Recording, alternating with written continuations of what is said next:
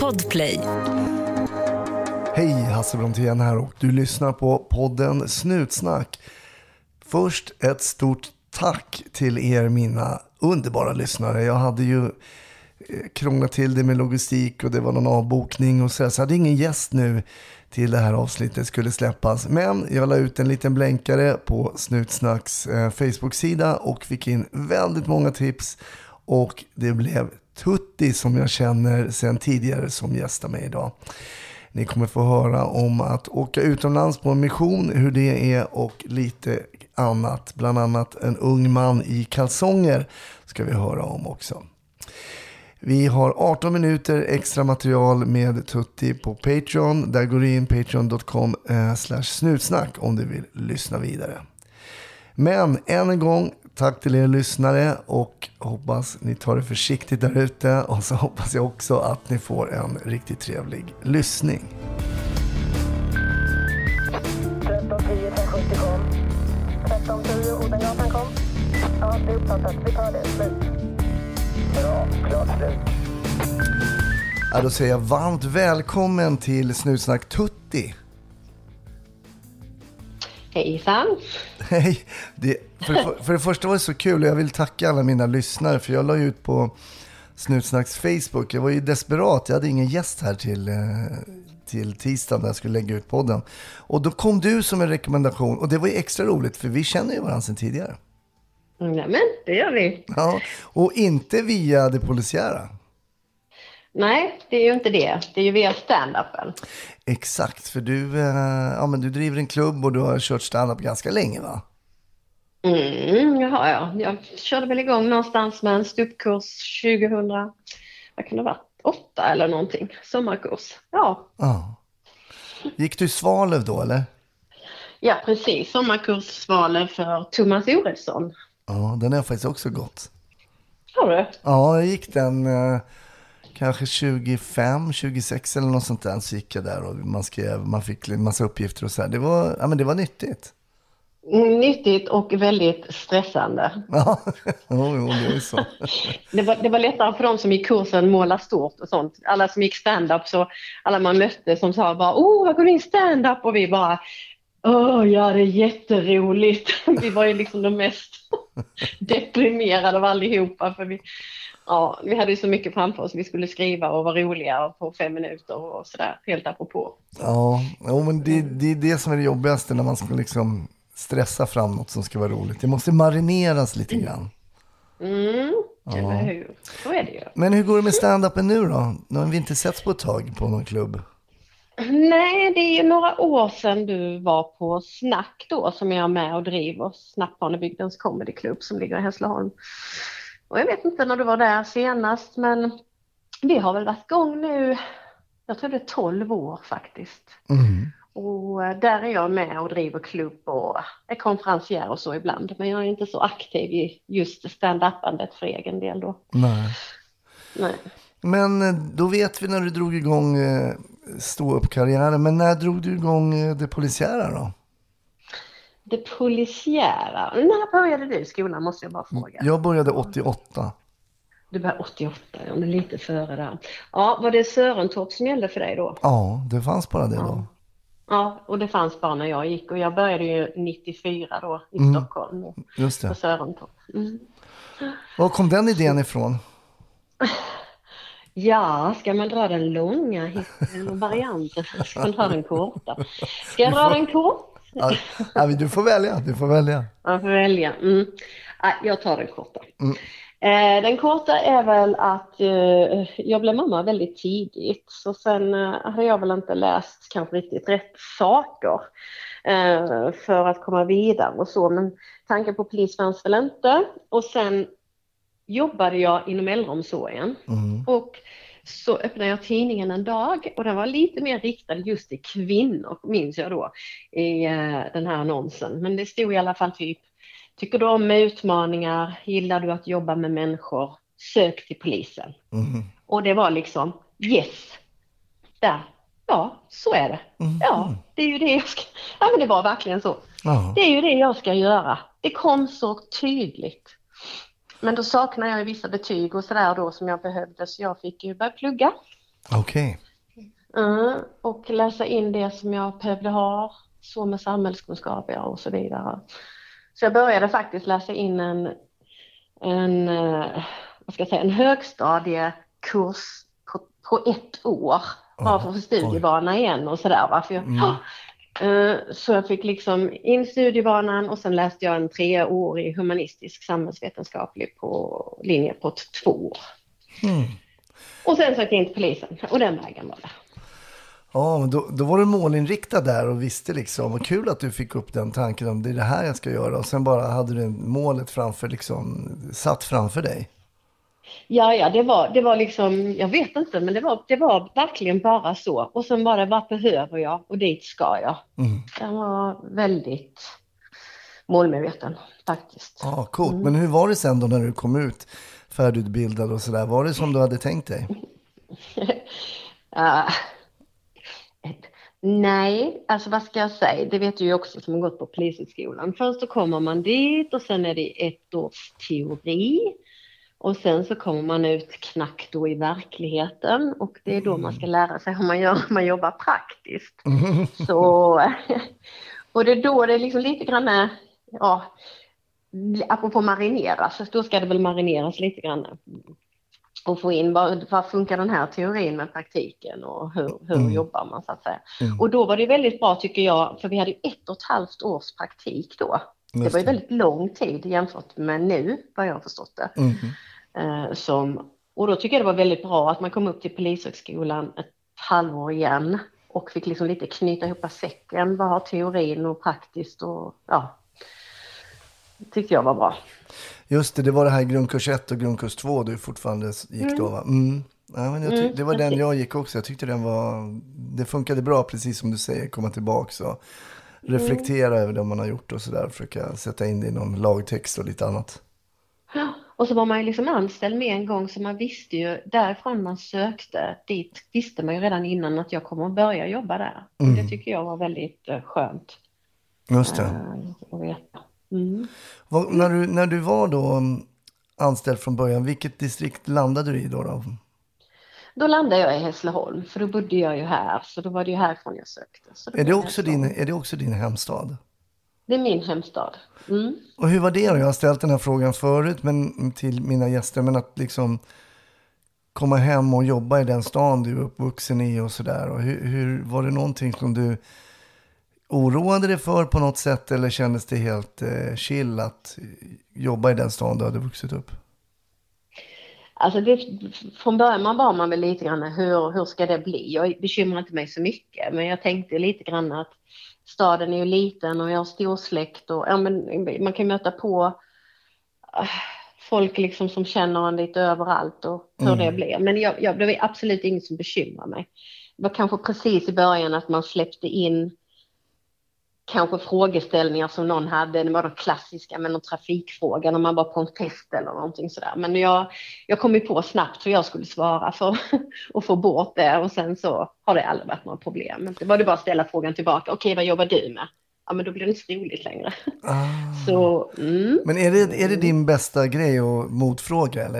Är, det- eller hur svarar du? Vad, vad är det du säger för att liksom inte få de här, för det är väl klassiskt folk som jobbar som poliser att det blir kanske så här, "Jaha, men jag blev stoppad och varför gör ni inget vettigare och jag har alltid varit laglydig och nu var det det och det och det. Och för att slippa lite det där som kanske man är ganska van vid som polis. Vad är det du säger då, då som får dem att liksom backa lite grann då?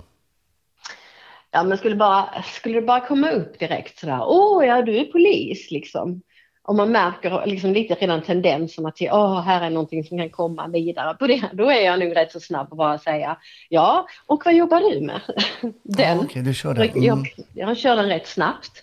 Och skulle någon ställa en fråga som jag bara tänker, ja men den kan jag väl svara på lite snabbt och lätt. Om någon säger, ja men vad gjorde de det och polisen stod där och då och det fattar jag inte varför man gör när det och det händer. Ja men då brukar jag bara säga, ja men vi gör det också.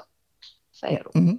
Okej. Mm. Ja men lite kort så att man inte, jag, jag kanske inte bjuder in så mycket i det och så. Men jag har Nej. faktiskt aldrig haft några bekymmer med det. Så många år jag har jobbat i, i Hässleholm och Faktiskt. Det mm. liksom, har varit väldigt bekymmersfritt. Men då kom ju du ut, antar jag, och började åka radiobil och det var uniform på och liksom mm. eh, vanlig, som liksom gemene man ser, tänker sig kanske vanlig polistjänst, att de ringer från en ledningscentral eller hör av sig och så åker man på jobb. Hur var det då? Den första tiden? Men första tiden, då vet man alltså då på något sätt klär man på sig en uniform. Förstår du vad jag menar? Alltså mm. man, man är inte riktigt, man spelar nog mer polis från början känns det mer som, för man är inte i rollen riktigt ännu kanske. Ja, man klär på sig den här uniformen och det är liksom, man, är inte, man är inte riktigt i den och ett med den på något vis, utan det tar ju lite tid. Mm. Så då är man väl kanske lite sådär lite mer osäker på hur man agerar man i situationer, lite mer avvaktande och sådär. Och jag, jag har haft väldigt tur med handledare faktiskt genom hela vägen, så jag har haft kanon. Mm. Och det är jag tacksam över. Så lite äldre rävar. mm. hur, länge, hur, lång, hur lång tid tog det för dig då att känna att du kanske inte bara tog på dig liksom en kostymdräkt eller så här, utan att du liksom verkligen var lite mer ett med det här mm. liksom arbetsplagget och uniformen. Hur lång tid tog det för dig då skulle du säga? Oh, det var en jättebra fråga. Jag vet knappt. Jag vet inte riktigt när det egentligen hände. Nej, det fejdar över liksom och sen plötsligt så... Ja, det, ja. ja, det är ju inte så att det går från ena dagen till den andra utan det är liksom... Det är nog bara att man glider in i det och helt plötsligt så står man där och så bara... Så är man liksom rollen. Man är polis, man är ju såklart människan människan bakom ändå. Jag menar, även i mitt agerande så är det en stor del som ändå är jag. Och det mm. ska det vara, tycker jag, få lov att vara. Mm. Eh, I sin professionalism liksom. Så, mm. Ett poddtips från Podplay. I podden Något Kaiko garanterar östgötarna Brutti och jag, Davva, dig en stor dos skratt. Där följer jag pladask för köttätandet igen. Man är lite som en jävla vampyr. Man har fått lite blodsmak och då måste man ha mer. Udda spaningar, fängslande anekdoter och en och annan arg rant. Jag måste ha mitt kaffe på morgonen för annars är jag ingen trevlig människa. Då är du ingen trevlig människa, punkt. Något kajko, hör du på podplay. Därför är gardinerna. Jag tänker att du berättar då, då är du väl ganska ung också när du började 94 kan jag tänka mig. Eh, mm. Men du berättar också att du var väldigt ung mamma. Påverkade det dig någonting speciellt? För när man kommer ut sådär kanske ung och så ser man saker i, i samhället som man kanske inte riktigt är beredd på. Påverkade ditt föräldraskap dig någonting? Att vara ung mamma med kanske en, ett, ett ungt barn också då. Påverkade det dig på något speciellt sätt? Mm, eh, det kan jag nog faktiskt inte tycka egentligen att det gjort. Förmodligen kanske var jag extremt naiv eller så var jag bara väldigt laid back. Men jag tycker nog inte att det gjorde det. Däremot kan jag tycka att ärenden och, och, och, åka på när det är lägenhets, kallar man det lägenhetsbråk, kallar jag det för nu, det är så dumt, det kan vara i hus, det kan vara överallt. Mm. Brott i nära relationer om vi nu säger så. Mm. Och det är barn involverade. Sådär. Det, det, kan, det kan jag ha tyckt, inte för kanske mitt eget barn, men att jag det kan ta mig rätt liksom sådär illa. Att jag, lite, jag, jag tycker det ska läggas lite mer krut på det. Det har jag alltid varit um, väldigt noga med. Om man har kommit in och så är det ofta att liksom barnen ska undan. Mm. Så här, Nej, nu ska vi vuxna prata och, och jag bara, de vet redan vad det här handlar om. Det finns ingen anledning att få undan dem, utan det är bättre att de får vara med och så får se liksom, kan ge sitt, kanske också lägga någonting på plats, veta varför polisen är här, att vi faktiskt är här för att hjälpa. Mm. Och de, de fattar ju så betydligt mycket mer än kanske vad vad de tror själva. Så att jag brukar, beroende på ålder, att de får kanske vara med på en hörna när man sitter och pratar med mamman och hur känner du och nu är vi här och så vidare. Mm. Eller prata med dem efteråt och en stund själva och förklara lite. Det tycker jag många gånger att liksom barnen trillar lite, ja, de hamnar lite i skymundan helt enkelt. Mm. Vi har hört många exempel på när poliser har varit på jobb och det har liksom... Eh, det har varit väldigt jobbigt när barn är inblandade och det är såklart, det är ju det. Det är ju oskyldiga varelser liksom som inte har börjat liksom leva livet än som lockar ut för både ja, ond, bråd ondska och i vissa fall kanske också död. Och det, det, det, det tar på många människor. Det här tar ju på olika sätt. Men, Mm men du menar att det har också påverkat dig bara liksom när du kommer dit, när det är fall och hur de ska placeras och sådär? Hur menar du nu då? Att... Nej, men jag menar, du berättar just det här med våld i nära relation, att du har liksom reagerat på det här med barnen, att en del kanske lägger un- ställer undan barnen och så här. Du ändå, Är det för att du var mamma då kanske, eller det kan man nästan inte svara på, för man vet ju inte vad som hade hänt annars, men jag tänker bara på mig själv att jag nog såg saker med andra ögon efter jag själv hade blivit förälder. Att jag ehm, eh, såg på barnen och på föräldrarna med, med, med, annan, med ett annat synsätt lite grann när jag själv var liksom förälder. Mm, ja, så kan, det ju, så kan man ju, det kan man ju göra, absolut. Men inte mer, inte i sån situation tycker jag inte. Det är nog kanske mer självupplevt att eh, man har haft det nära in på sig helt enkelt. Så att eh, man vet liksom och känner igen miljöer och kan känna in stämningar och kan känna in barnens liksom agerande eller reaktioner eller hur spänningen i rummet, om man nu säger så, den kan jag nog känna rätt så väl. Mm. Och det tror jag inte riktigt egentligen har med att göra att jag var ung mamma. Nej. Utan, eh, det hade jag nog med mig redan innan. Nej, vi har ju olika förmågor och man har ju kanske någon gång även jobbat med poliser som inte alls har den förmågan att känna av stämningar. Och, och, och det kan ju vara nog så krångligt. Så man vill hellre ha med någon som känner av det där när det är läge att säga vissa saker och när det är läge att avvakta och säga vissa saker. Och det menar jag inte bara när det kommer till barn utan egentligen i de mest skilda situationer. Du berättar att du kommer ut, att du har bra handledning. Hur viktigt är det att komma ut och få någon sån där som du sa, som har en räv bakom varje öra, som är smart och streetsmart och liksom har varit med ett tag? Hur viktigt är det för en ung polis? Alltså jag skulle säga att det är jätteviktigt. Alltså det är väldigt, väldigt viktigt.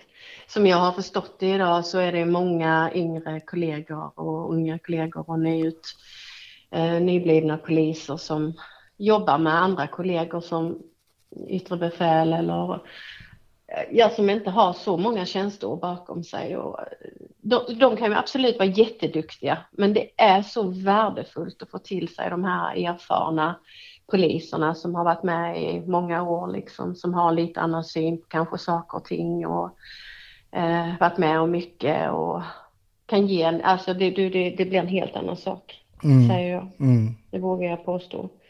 Eh, i- och som sagt var, de kan vara superduktiga, men har, det säger sig själv, har du inte så jättemånga år och är så erfaren så kanske man inte heller kan ha så mycket att ge Nej, nej, nej. på det sättet som om du har varit med i många år och sett mycket och vet mycket och lärt dig hantera saker och ting, hålla förhör, alltså det är allt, det är många situationer. Mm. Du berättade att nu när du läste det där, du jobbade på äldrevården, så läste du så här, bli polis, vi gillar att jobba med människor. Så fick du liksom en målbild, en tydlig målbild. Fick du någon tydlig målbild också efter att ha jobbat som polis, vad du ville göra inom myndigheten? Fick du någon sån målbild också? Nej, inte direkt. Alltså jag var nog eh, på den tiden i alla fall så var man rätt så inställd på att nu handlar det om att jobba i yttre tjänst, alltså målad bil, eh, åka på akutärenden och så vidare. Precis som du sa, de ringer från Elsie heter det väl nu då och ger en ett jobb och sen så kör man på det. Det var man nog inställd på att ja, det kommer man göra i ett antal år och sen får man väl se vad som blir sen. Och Hässleholm är rätt litet så det, kan, det finns ju inte de kanske riktigt möjligheterna heller eh, till att så, så mycket mer än kanske utredning. Span fanns ju på den tiden så att säga. Och Just krim, det var inte så vanligt liksom att du kom in där heller på den tiden. Det var inte så lätt. Nej. Det var ju mer de här äldre poliserna. Så att ja, nej, jag var nog bara inställd på att här får man bara köra på ett antal år. Bara kött, kötta på. ja, men det var lite så, dra fylla och nej men mm. Men trivdes du med det då? Trivdes du med det ordningspolisjobbet som, man, som det hette på den tiden då? Ja men, det, ja men det gjorde jag ju faktiskt. Alltså det var bra. Man hade ju så treskift. Vi jobbade kväll, dag, natt kommer jag ihåg. Sen var man ledig eh, två dagar och sen började man om igen. Och sen hade vi en lång helg, men det, det, det snurrade på bra tycker jag. Mm. Eh, inga problem heller så länge man är rätt så ung, liksom jobbar treskift. Så nej, jag tyckte det var rätt gott. Det är lite skönt sådär på nätterna. Jag pratade med min brorsa häromdagen om det här på natten. Mm. Man satt och körde nattpass, även om man inte hade så mycket att göra. Man glider igenom, du vet, man kommer in genom stan eller någonting, man tittar på husen. Någon lampa tänd någonstans och man tänker, ja, ska den upp och göra någonting? Det är en liten speciell, ja men det är lite sån där känsla och det kanske är lite dimmigt, jag vet inte riktigt. Det är lite, ja, vet du vad jag menar? Absolut, det är en känsla av att se staden och världen från en vinkel som väldigt få människor gör därför att de ligger och sover liksom. Och sen ser det är ju helt öde liksom. Man har åkt genom Stockholm liksom ibland en vardagsnatt. Det är inte en människa liksom. Så det är väldigt, väldigt speciellt. Jag håller med dig. Man ser ju... Och jag har också tittat upp så där i fönster och så här, oj nu rör sig någon. Klockan är liksom kvart över fyra. Vad gör du liksom? Gå och lägg dig. och det är då man börjar bli sömnig själv, när man sitter i bilen. Ja. Hur har det funkat för dig med nätterna sådär? Har, har det varit tungt eller har det gått bra? Ja, men jag tycker det har funkat rätt så bra. Det har väl varit något nattpass där om det just inte har varit så mycket att göra. Vilket då alltid var på tisdagnätterna kommer jag ihåg. Mhm. Tisdagnätterna var alltid lugnast. Mm. Okej. Och fullmånen då alla lite mer galna. Eh, men mer bråk, mer, ja så. Eh, det är också en reflektion, men tisdagnätterna. Ja. Men då kan det ju vara sådär fyra, fem tiden just att eh, ingenting händer och man har kanske en kollega som sitter bredvid sig som sitter och nickar till eller någonting. Mm. Högst. Ja, det är inte så kollegialt. Men, eh, men, Men eh, vi kan mänskligt. hjälpa kanske. Men mänskligt, jag skulle precis säga det. Och då kan det vara lite så drygt och så. Eller man precis har kört in och nu ska vi snart sluta och så precis kommer det. Ja, ni får åka. Det är något eh, rådjur, eh, trafikolycka, någonting rådjur. Så ska man åka ut. Om man är, man är så trött i ögonen, du vet. I dröm, drömjobbet, ett påkört och rådjur. Ja. Ja, precis. Ut och avliva ett rådjur. Ja. Men vad hände med karriären då? Blev du, har du blivit kvar i, i Hässleholm ända sedan eh, 96 där då? Eller vad hände? Nej, det har ju varit lite, sen har jag ju gjort lite olika då. Jag har faktiskt jobbat Näpo, jobbat på ett tag, inte jättelänge på den tiden närpolisverksamhet, den fanns det ju. Det har du ju varit med om. Eh, och då hade vi lite närpolisstationer här omkring Hässleholm faktiskt öppna i mindre orter, Sösdala och Tyringe var det väl och ja, något till. Eh, så där var jag ett tag, jobbade med det och sen så har jag varit på jouren, det som utredningsjouren heter det väl idag. Mm. Så när man jobbar med akut, är akut eh, eh, utredare, alltså när de griper folk, tar in dem i arresten och sen så ska de då höras rätt så omgående, tillfrågas om de vill ha, ja du vet, försvarare, om de erkänner eller förnekar. Mm. Och sen så, ja, så kan man hålla förhör in i, och eh, inledande utredningsåtgärder. Man kanske pratar med teknikerna och ser hur läget ser ut och man håller kontakten med åklagare och ja, klockan tickar och sen kanske de efter någon dag blir häktade. Mm, fram, fram till häktning hette det då att man skulle ha dem som utredningsjouren skulle ha dem. Just det, precis. Mm, mm. Så då jobbar jag med det. Men sen vet jag att du eh, stack utomlands också, eller hur? Mm, och precis, det har jag gjort. Alltså, innan dess där då så var jag ju var plänskrim i Malmö och jobbade på span kunde man säga. Storstan, Spanien. storstan. Storstad, jag hittar verkligen inte där. Men, men vad, vad, hur var skillnaden att komma till Malmö? Då, I och för sig, då var du på span då, men hur var, hur var det då? Att komma och liksom spana i en stad som du kanske inte hittar i 100 procent? Nej, alltså det var ju en stor skillnad. Men då var jag på span så då, det gällde bara att hänga efter bilarna när de körde eftersom jag inte hittade någonstans. För när man, har satt själv, man jobbade själv och så, så pratade man med någon kollega och så hörde man någon beskrev någon byggnad då som kanske funnits sedan 1900 frös ihjäl och så någon bara ja, ja, det vet vi. Och jag visste inte alls så att jag fick ju inte all, jag, jag såg till att inte få tapp på bilar för då var jag lost. så det gällde att hänga på. Ser Hjäl- knasigt ut på rödljus bara. Mm. Ja, det gäller att inte ligga kloss för länge bara. Nej, inte för länge, då får man ju byta. Men eh, ja. nej, det var en spännande skillnad. Jag tycker nog det var rätt skönt igen när jag kom tillbaka till Hässleholm, måste jag säga. Ja, du tyckte det. Det är lite mer relaxed, du vet. Man kan sitta på cykeln och så Kom och skriv mig det på näsan, och glida över gatan. Det är liksom ingen som, ingen massa människor överallt. Det är lugnt. Borta bra men hemma Men bäst. hemma bäst. Ja. Nej, men det var, det var roligt. Absolut. Utvecklande. Ja. Ja, och sen så åkte jag ju, som du säger där, ut. Men vad tog du vägen då? då? Eh, Kongo Jaha. åkte jag till, min Mm. första mission. Hur kom du på den idén att du ville liksom göra en mission sådär? Ja, och så ta den som ligger nästan längst bort. Mm. Ehm, nej, men det får inte vara enkelt. Ska man nu göra någonting så ska man göra det ordentligt. Mm. Och utmanande som det går. Och då, då är ju Kongo lämpligt tänkte jag. Mm, Det är ju en franskspråkig mission så att det var ju också en liten extra utmaning i det hela. Pratar du franska Ehm, eller? Uh, un peu. ja, lite grann gör jag. Ja, lite. Ja, det, jo men det gör jag. Vi gick faktiskt en eh, fem veckors eh, intensivkurs på franska. Ja, Okej. Alltså inom polisen. Så, Mm. Satt där uppe i Stockholm och bodde på Alviks hotell i fem veckor och sen pluggade massa franska. Så. Aha. Mm, så, Men hur så var det då, komma ner till Kongo? Ja, det var, eh, det var spännande. Alltså jag gillar Afrika. Jag har varit i Kenya för många, många år sedan, tror det var när jag fyllde 30. Eh, och nu säger jag att det var många år sedan, det är intressant. Eh, det, har en speciell, det har en speciell lukt. Alltså det brända sopor, förstår du hur gott det luktar? Alltså det är något speciellt.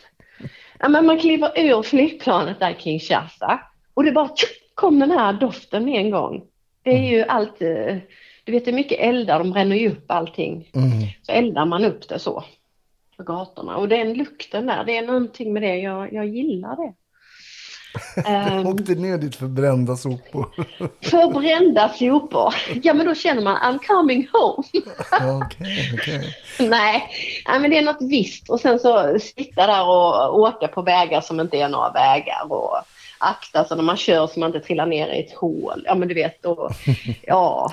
Vad, var ert, vad hade ni för, vad var missionens em, mål? Vad hade du för arbetsuppgift när du, när du kom till den här missionen? Då? Vad hade du för, vad skulle du göra? Ja, först så har man då, eh, det vet man inte egentligen när man kommer dit kan man säga. För man går en eh, två veckors, där var det så att man gick en två veckors eh, induction-kurs.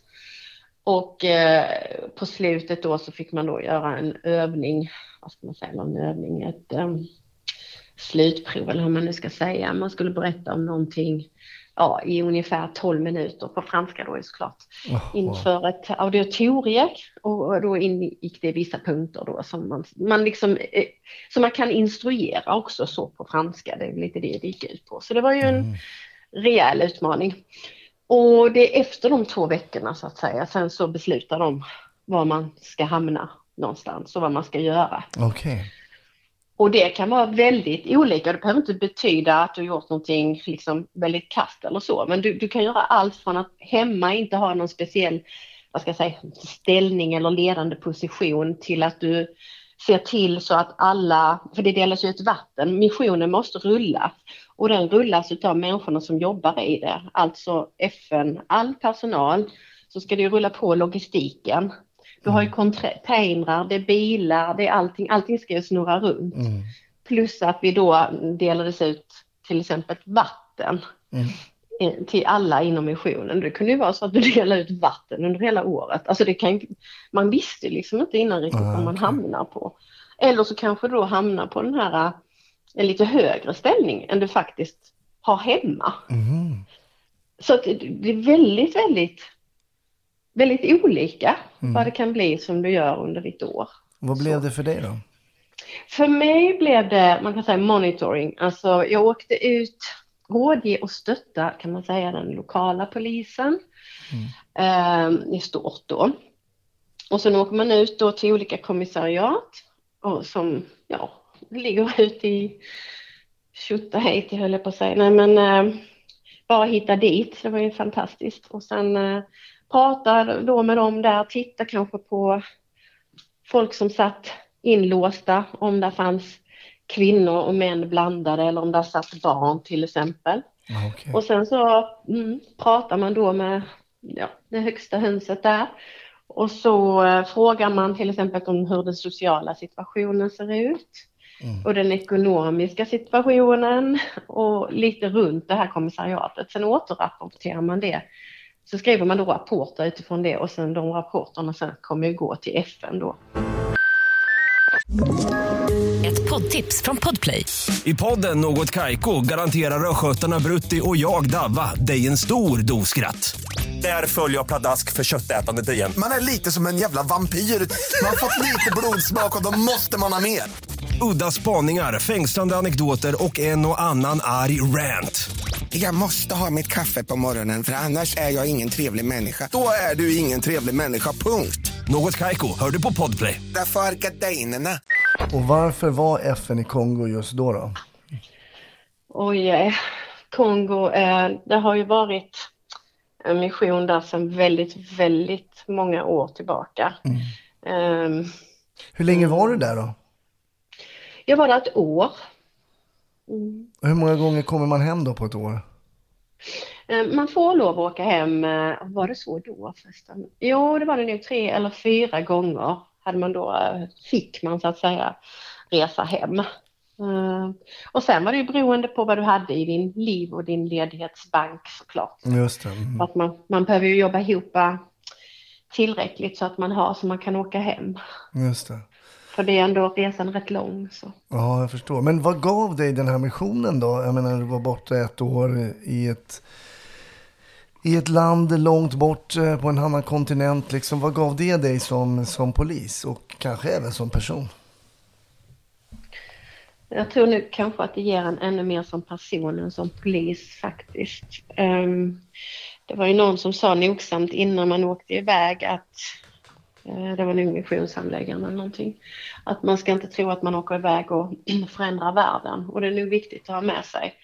För att det, det går ju inte i någon snabb takt om man nu säger så. Man får liksom titta i det lilla, kanske vad, alltså i, i ett helt annat perspektiv.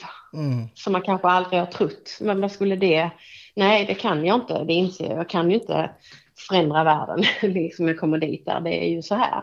Men man får finna den saken som man själv, det kan vara en situation som man bara känner, det mötet, den grejen, de kollegorna kanske, för de, vissa kollegor som du jobbar med kommer ju från likasinnade länder, kanske någon som kommer från Mali, du vet ju det är missioner i Mali.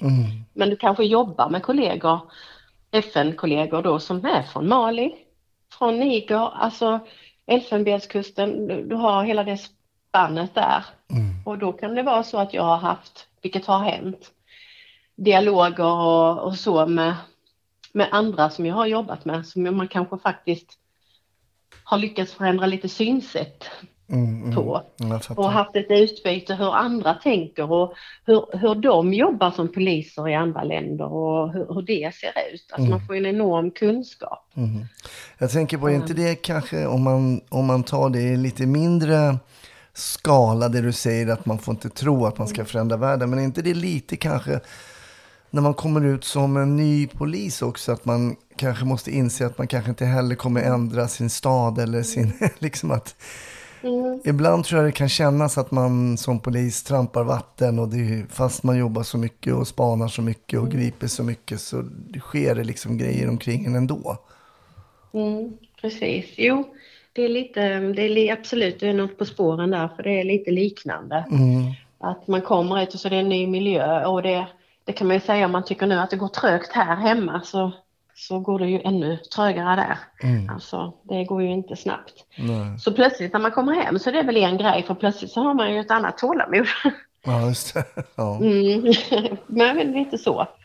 Och sen eh, så blir man väl ganska ödmjuk inför eh, hur man har det, Just hur vi har det i Sverige. Så. Mm. Jag brukar tjata om att uppskatta vattnet. Fattar ni? Vi har vatten i kranen. Vem går och köper på flaska? Alltså vi har vatten i vår kran. Vi kan dricka rakt ur kranen. Fantastiskt vatten. Mm, det är Det otroligt. är ja. guld liksom. Ja, och fortfarande så tänker jag på detta och det är så viktigt. Mm. Att Ja. tänka på hur bra vi har det. Ja, nej, men det är bra att komma till andra länder ibland, oavsett om man jobbar som polis eller Mm. inte. Liksom. Jag brukar alltid fråga min gäst eh, om ett starkt minne som man har från sin karriär som polis. Jag vet inte om det minnet som du har är från någon utlandstjänst eller om det är från något i Hässleholm. Men vi pratades ju vid igår. Har du funderat lite på mm, något starkt minne som sitter hos dig? Mm. Jag funderar på det, jag vet inte om det är starkt minne. Det är ett minne i alla fall. Ehm, och det är inte från utlandstjänsten. Jag var där och rotade. Men där är så mycket, alltså det, jag skulle behö- du skulle behöva så många poddar om jag skulle berätta om det. Ah, jag fattar. Jag inser att det inte, jag jag redan inte ute. Eh, men det är mycket intressant där som man har varit med om såklart. Eh, och som är jätte, jätteavtryck. Men nej, utan jag vill nu hamna i lite att det är, ska vara lite roligt på något sätt ändå. det gillar vi. Det gillar vi. Eh, jag tyckte kanske inte det då, men då var det som så under den här tiden när jag var lite yngre polis. Jag jobbade som sagt var som utryckningspolis. Eh, så var det som så att vi fick att det var ett pågående inbrott i Hässleholm då. Och jag jobbade med en hundförare som jag kände väl då. Eh, Så vi inne i bilen, vi hade ganska snabb framkörning där då. Inte så långt. Och så var det uppe på Norrängsskolan, kommer jag ihåg att det var faktiskt. Så vi kommer dit och de hade lys med ficklampor och sådär inne hade de sett. De kommer fram och jag kör och kollegan hoppar ut och, och tar hunden snabbt då och iväg. Och ska börja stöka där då. Det går ganska snabbt. Kommer jag liksom gående så kommer min kollega då med hunden emot mig och han går liksom med händerna liksom upp i luften och så säger han bara Alltså Tutti, bli inte arg nu. Håll dig lugn. Jaha, Då. Och jag liksom, jaha, ja men du är, va? Alltså jag fattar absolut ingenting. Vad är det med honom? Alltså bara, bara bli inte arg nu. Och jag bara, vad är det med honom? Och vad är det för någonting som är där bakom honom?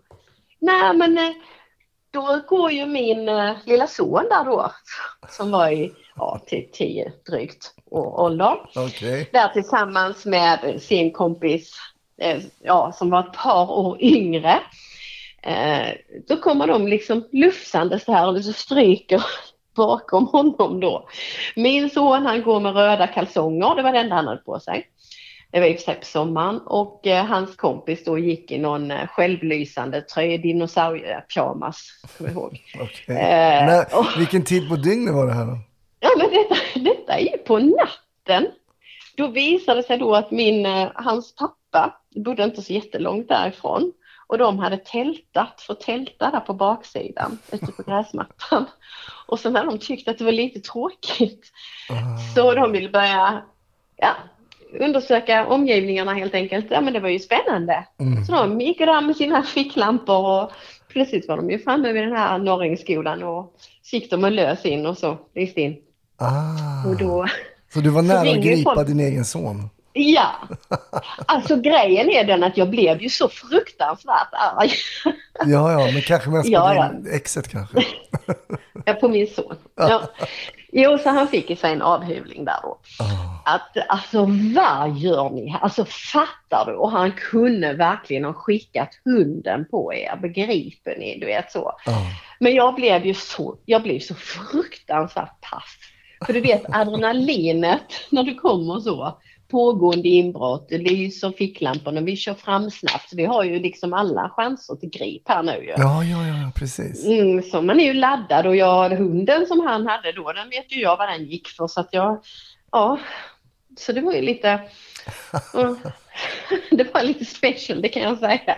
Så det glömmer jag ju inte. Kommer, ni- har, ni, har ni pratat om det här händelsen eh, under senare år? Du och sonen? Ja, ja vi har, den har, eh, den har kommit upp. Eh, faktiskt har den gjort det. Ja, jag ringde ju till pappan sen också så då var jag ju lite sådär, ja, Så jag var är, var Robin? Så jag. Ja, men de är där ute i tältet. Jaha, tycker jag du kan gå ut och hämta dem då. För jag visste ju att de inte var där. Jag hade ju dem och så gick han ut. Nej, men de är inte här. Nej, men jag har dem här. sa jag då. Ah. Och då stod jag ju med dem då. Och, ja, skammen var stor och I bara, Ja, det- fill, I bara fillingar i polisbilen. i bara fillingar. Det som är lite roligt är ju att han bor på Bali. Han har bott där åtta år då, min son. Ah. Och han håller på att göra bikinis. Så han kör ju liksom den här underklädesstilen. Ah, han fortsätter med det alltså. Har han, Ja. kvar, har han kvar de där kalsongerna från den här natten? Alltså ingen aning. Ja, men det måste ju ha varit såklart. Jag förstår att du blev otroligt paff att se sin egen son komma där bakom hundföraren. Ja, mycket. Och det, det, det är ju ändå rätt roligt för där ser man ju ändå på något sätt så tajta man blir med sina, ja med vissa kollegor i alla fall sådär. För jag menar han visste ju att Tutti kommer ju liksom bara explodera när hon ser honom här. Och han kände igen att det var din son direkt där. Ja, ja, ja. Som sagt var, stan är liten. Man har ju liksom, jo. Det var det vi pratade om där, att jobba i sin egen stad där. Men det är klart, ens egna barn har man ju alltid i sin egen stad, så det kan man inte komma undan. Nej, det går ju inte. Nej, det, men det är ju en sån här liten, eh, alltså allting kan ju hända som sagt var. Mm. Jobbet, man vet inte. Vi, eh, jag vet ju att du har gjort mer saker. Vi ska prata vidare sen också ett avsnitt på Patreon. Ska vi höra lite mer om vad du har gjort. Jag vet att du har varit på Haiti också på en mission. Eh, Men jag tänkte innan vi rundar av det här avsnittet så med tanke på hur vi började, att vi faktiskt känner varandra genom stand-upen. Ett, vad tänker du kring humor och, och polisarbete? Kan man, kan man använda sig av humor när man jobbar som polis? Finns det någon kraft i den mekaniken liksom? Absolut. Det tycker jag. Eh, Det är inte sådär så att man sitter och drar skämt precis. Nej, nej. Nej, men, eh, men absolut att man kan göra. Eh, Jag brukar säga det att skratt och gråt, för det är rätt så mycket bedrövelse om man nu säger så, människors, liksom man kommer in på livet och så vidare. Det ligger ju varandra väldigt nära, det gör ju det. Så att jag tror, eh, och som du säkert också, det vet du ju som håller på med stand-up, och kör stand-up, att många gånger de som kör stand-up, det är kanske inte de allra egentligen glättigaste människorna. Utan man har ju lite att rota. jaså, jaså. Ja, ja, en del är kanske då. Ja. Men det finns ju oftast lite att rota av om vi nu säger så. Mm, mm. För du tar upp det där och så vänder du på stenen och sen så gör du någonting med den. Eh, så att jag skulle kunna säga att det tycker jag att man absolut kan göra. Jag har ett bra exempel på det här. Ja, låt höra. Låt höra. Mm. Eh, det var när jag jobbade, var faktiskt när jag jobbade i Kristianstad, kommer jag ihåg, som utredare då. Jag jobbar ju som utredare nu då. Eh, så skulle jag hålla förhör med en och det är jätteviktigt med kontakten med en gång, att man får bra kontakt och kan prata med folk. Och det lär man sig mycket när man håller på med stand-up ju. Mm. Också, för all del. Och så, eh, ja det var ju en cooling där då, alltså, jag vet inte om du vet vad en cooling är, vet du det? Ja, en tuff, en tuff kille. Nej, Nej, en cooling. Nej, det vet jag inte. en cooling med K. Nej, det vet jag inte vad det är. Det är något skånskt, skånskt Det är uttryck. skånskt. Det är ett skånskt uttryck. Det är egentligen, man kan säga att det är en kriminell eh, typ eller kriminell, någon som har kriminell bakgrund. Alltså typ som vi säger buse då? I, eh, Ja. Okej. Cooling. Okej, jag har du aldrig hört det? Nej, jag har faktiskt inte gjort det. Det är helt otroligt att jag inte gjort det. Ja. Oj då. Cooling kommer grunden från Albert Engström. Han ritade, han gjorde den där coolingen. Ja, ja. Hur som helst, en cooling då. Och Han var, kom en liten, vad ska jag säga, lite äldre herre, lite sådär smått tilltufsad så. Kommer lite från gatan. Och så skulle vi ta hissen upp och ja, man stod där och jag började snacka lite så. Jag har lätt för det så. Pratade lite med honom och han bara, ja, alltså jag har googlat dig innan. då. Jag bara, va? Alltså jag tänkte googla? Ja, för han med mitt namn, det är lite ovanligt så. ja. Så sa han, ja, jag har googlat dig, sa han. Ja, sa han. Ja, ja du, jag har sett det du håller på med stand-up. Alltså det är ju ändå häftigt. alltså, han var så imponerad över att jag höll på med stand-up. För det, det, för, det, det fattade han. Det är ingen feg människa som gör det. Nej, det är ingen feg människa som gör... Nej, precis. Så han, han, vi fick en sån jättebra ingång och ett rätt så, ja, väldigt behagligt klimat bara därav. Att han, mm, Ja, men det är så kan kul. man också. Ja, men det. Nej, jag skämtar lite, det är ingen... Men det är ju, det krävs ju, det är ändå, man ska stå där. Det, det finns tror jag inom, just inom vår skrå, liksom inom stand-upen, att det finns någon, någon form av ömsesidig respekt att ställa sig där liksom. Helt själv med eget skrivet material. Man kan inte ens skylla på liksom någon manusförfattare eller någon regissör, utan man har gjort allting själv. Så går, går det dit det går så är det ditt eget fel och ingen annans. Nej, som jag har fattat det så finns det ju de som håller på med, eh, gör komedi och humor som säger att ja, det kan vi göra, men jag hade aldrig ställt mig och kört stand-up för det är så himla utlämnande. Och det är det ju. Eh, Du, det svåraste du kan är det ju också för du ska framkalla ett skratt. Mm, ja, Det är ju men liksom- precis. Ja, det är Men lite det är lättare att få någon att börja gråta. Alltså, ja men det är det ju. Men Men det jag känns tror- inget som man vill jobba med kanske. Nej, men det är lättare Ja, det tror jag. är. Alltså du skulle kunna berätta något väldigt tragiskt och får någon säkert då lite tårar i ögonen och sådär. Men att få någon att liksom, du ska börja få någon att skratta, det är liksom ditt, ditt jobb när du står där. Mm, det är ändå speciellt. rätt, det är tufft. Ja, men det är spännande också. Och det är skitkul när det, det, är skitkul när det, när det flyter på och man, man går in i flowet. Och man bara känner yes, här, här sitter det liksom. Ja, ja, visst är det så. Mm. Visst är det så. Då är det ju underbart. Men då kanske du kan rekommendera några roliga polisfilmer. Kollar du på polisfilmer? Ja, nej, nej. Jag tänkte bara kombinera det humor och det polisiära. Men eh, vi, det finns väl några klassiska där. Jag tänker på typ Dödligt vapen. Det finns ju många sådana här uh, bad Men de är boys. bra. Nej, men det här med kollegor som inte vill jobba ihop och så vidare. Och, så vidare. Mm. och det finns faktiskt en fransk film som heter Muta och kör. Den är inte från igår kan jag säga.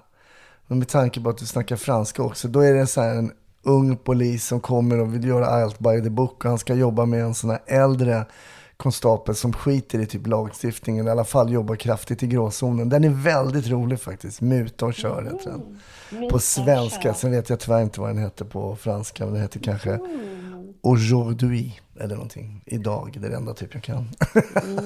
Men du kunde ju. Jag kan lite. Men det var fem år franska som är liksom, eh, nej jag, jag kan inte prata.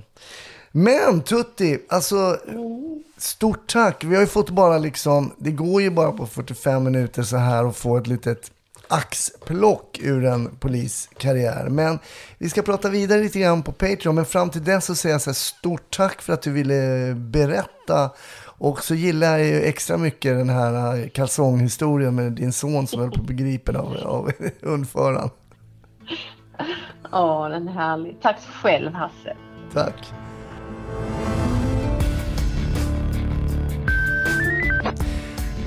Tack. Avsnittet är slut för den här gången. Och eh, ja, som vanligt, det kommer ett nytt nästa vecka. Jag hoppas att du lyssnar även då. Vi finns på Facebook, Instagram och patreon.com snutsnack om du vill lyssna på bonusmaterial.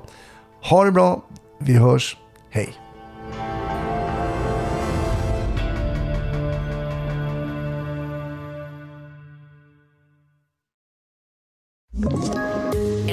Poddtips från Podplay.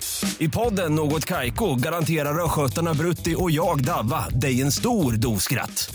Där följer jag pladask för köttätandet igen. Man är lite som en jävla vampyr. Man har fått lite blodsmak och då måste man ha mer.